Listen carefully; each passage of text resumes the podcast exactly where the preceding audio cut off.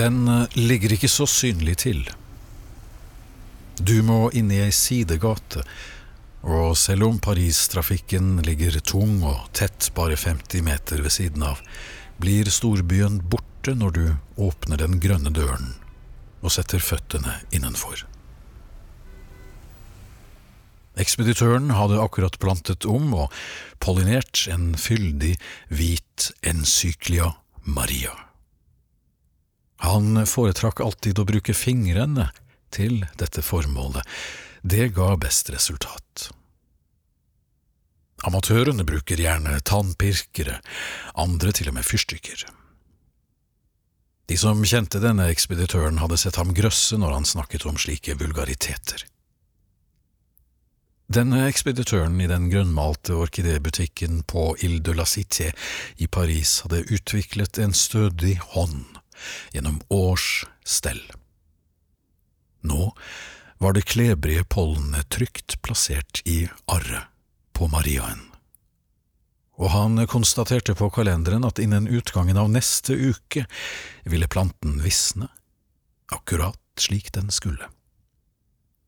En fin dusj av tempererte vann hadde lagt seg rundt blomsterstengelen og samlet seg i dråper der den ferske blomsterjorden var klar til å ta imot mer fukt. Kvinnen som kom inn i butikken gikk med en særpreget, nesten cowboyaktig gange. Hun satte skuldervesken på gulvet, foldet hendene på den silkepapirkledte disken foran ham og sa med lav stemme, Jeg vil ha noe som varer. Ekspeditøren la fra seg saksen og studerte håret hennes noen sekunder, det var skjødesløst satt opp i en hestehale. Den der ser fin ut, den vil jeg ha, fortsatte kvinnen og pekte på en kritthvit, bugnende blomst som sto ved siden av den ene hånden hans. Hun luktet noe merkelig som han ikke umiddelbart fikk tak på. Beklager, den er dessverre ikke til salgs, sa ekspeditøren og smilte meget vennlig. Men hun eh, overså smilet hans og overhørte ham og fortsatte. Hva kan du så anbefale dersom den ikke er til salgs? Han svarte med å peke mot et forheng på den andre enden av rommet. Ja, orkideer på denne tiden av året er svært følsomme, de skal ha ro, de skal ha stell, sa han. Ja, øh, og øh, det er meget, meget fukt inne i bildet. Bli med her og dette har du erfaring med, sa kvinnen og bevegde seg lydløst bak forhenget sammen med ham. Dette er blant de tingene jeg faktisk kan si at jeg kan, ja, svarte ekspeditøren og gjenkjente lukten av mango et eller annet sted gjennom intimsonen hennes da han krysset gulvet foran henne. Hva er så din spesialitet? spurte hun og hvilte fingertuppene mot en saftig og nyutsprunget symbidium. Den hadde røde renner nederst, og de irrgrønne bakgrunnsbladene lignet nesten bleke nøkkroser. Ja, min spesialitet er tålmodighet, svarte han og strøk forbi hestehalen hennes på innpust. Meget godt, monsieur, meget godt. Hold av denne, jeg kommer tilbake, sa hun, snudde på hælen og vandret svinsende ut i trafikken langs en elv som steg av regnfall et sted langt borte.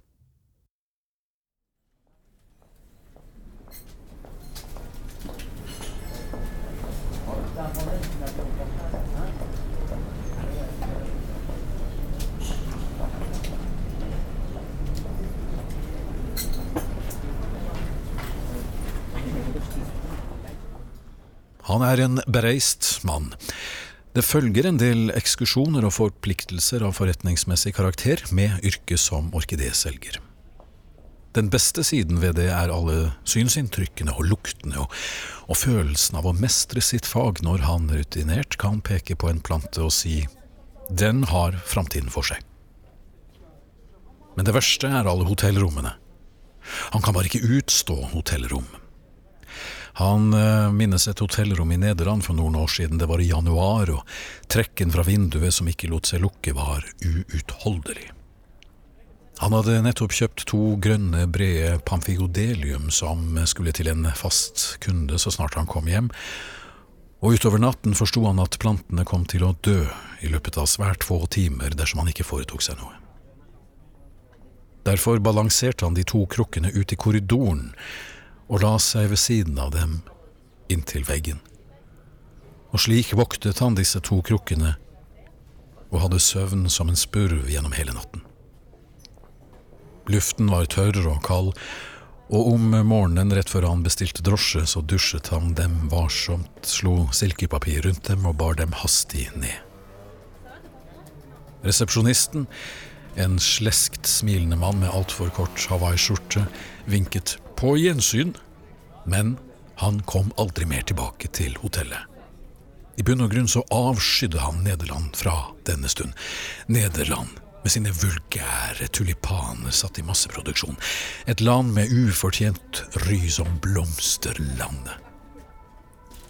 Han setter munnen mot den fyldige kafé-kremkoppen og grøsser. Fabrikkprodusert skrap. Nederland. Ha.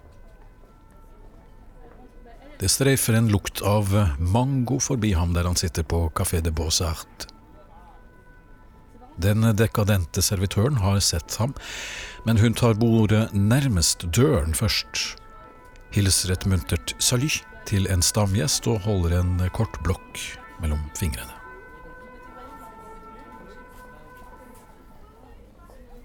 Han legger merke til at hun står bredbeint, vipper på hælene og duver med hoftene når hun noterer. Han er en mann av sans og samling. Likevel finner han det vanskelig å trekke øynene vekk. Han eh, kjenner henne straks igjen. Hun snur seg, river arket av, legger det på disken og stanser ved bordet hans. Du eh, holder fortsatt av den planten jeg plukket ut? spør hun og legger armene i kors. Hoftene hennes presser seg mot bordkanten. Han ser forbløffet på henne. Hun virker eldre nå enn i butikken. Ja, den, den står trygt plassert på kjølerommet og venter, svarer han. Bak forhenget? Innerst? spør hun. Ja, innerst, bekrefter han. Har du for øvrig alt du trenger her, kan jeg skaffe deg noe?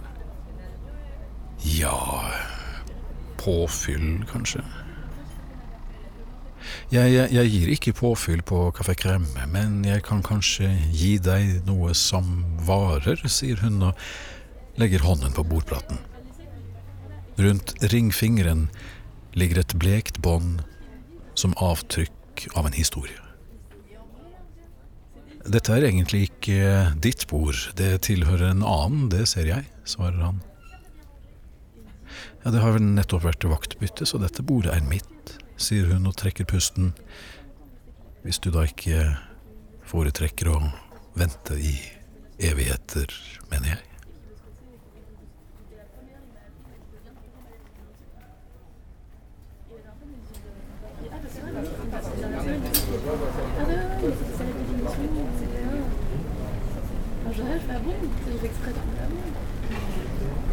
C'est débile.